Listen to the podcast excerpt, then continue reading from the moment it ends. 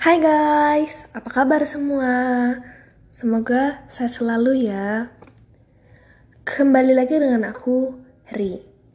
Hari ini, aku mau mereview buku Pengarung Gurun Pasir yang ditulis oleh Kang Fuad Abdurrahman. Yap, buku ini adalah sequel dari Pelukis Gurun Pasir. Pras baru saja pulang ke Cianjur. Ia berencana kembali ke Arab Saudi untuk menjadi kaligrafer. Namun sebelum pergi, ia ingin mengajak temannya, Harun. Harun adalah seorang kaligrafer yang kebetulan bernasib kurang bagus. Padahal dia jago. Awalnya, Harun menolak tawaran tersebut karena sudah tidak berminat dalam dunia kaligrafi.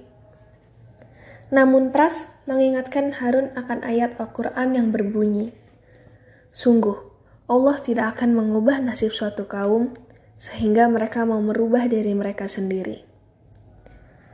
Harun pun menerima tawaran yang diberikan oleh Pras. Bila ada lowongan kerja, Pras berjanji akan menghubungi Harun. Pras pun kembali berangkat ke Arab Saudi. Tapi bukan ke Zulfi. Kali ini ia bekerja di Madinah sebagai kaligrafer di Maktabah Ar-Rumi. Pras baru saja menjadi karyawan maktabah. Namun, Abdullah langsung mengangkatnya menjadi mudir. Belum lama Pras di Madinah, ketika perjalanan pulang dari maktabah menuju kontrakan, Pras mendengar tangisan seorang wanita. Wanita itu menangis karena disiksa oleh majikan perempuannya. Ia dimaki dan juga ditampar. Pras sebagai ketua advokasi, para pekerja Indonesia pun mendatangi rumah itu untuk membantu wanita tersebut yang juga tenaga kerja Indonesia. Bermula dari situ, Kang Didin, salah seorang TKI yang sudah lama di Arab Saudi, juga Pras, mulai membangun advokasi bagi para TKI yang sedang mengalami kesusahan. Pras juga pernah ditangkap oleh polisi Arab karena tidak sholat. Padahal polisi Arabnya juga tidak sholat. Tak seperti biasanya. Hari itu, Pras menghubungi Harun untuk ke Maktabah Ar-Rumi. Sebab mulai ada banyak orderan. Harun pun berangkat dari Indonesia ke Arab Saudi untuk bekerja di Maktabah Arumi. Sampai suatu hari, Kang Didin berdandan rapi sekali. Padahal mereka hanya mau berkunjung ke penampungan TKI milik orang Madura di Madinah. Ternyata Kang Didin sedang kasmaran dengan Rina, salah satu TKI Rina kabur dari majikannya karena hampir diperkosa. Minggu lalu, Kang Didin bilang kepada Pras bahwa cintanya diterima oleh Rina. Sayang, net Kang Didin melamar harus kandas. Lantaran Rina tiba-tiba pergi dan tak bisa dihubungi. Dua bulan lebih Rina pergi. Kang Didin pun akhirnya melamar TKW yang lain. Ifah namanya. Kang Didin menikahinya. Setelah menikah, Kang Didin pindah kontrakan. Di kontrakan itu tinggal ada Pras, Ojo, dan Harun.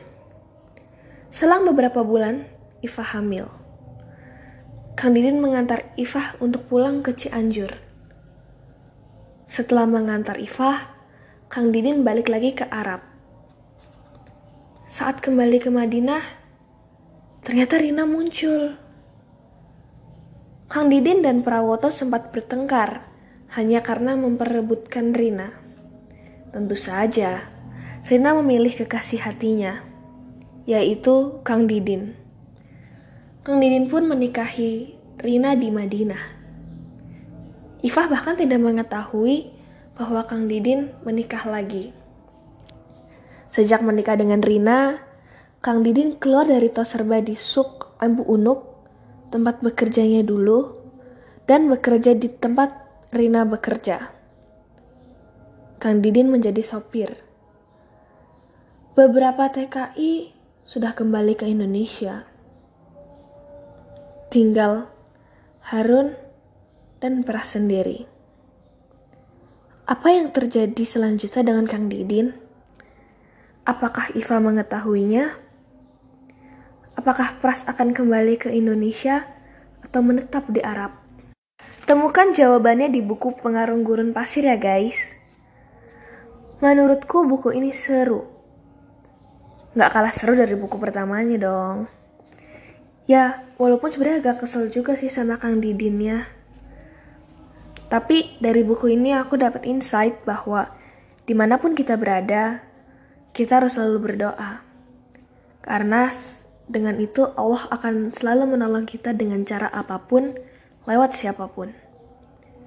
Untuk buku ini, aku beri nilai 9. Hope you guys enjoy. Jangan lupa baca buku ini untuk menemani hari-harimu di rumah ya. Sekian dari aku. Thank you. See you on my next podcast. Bye bye.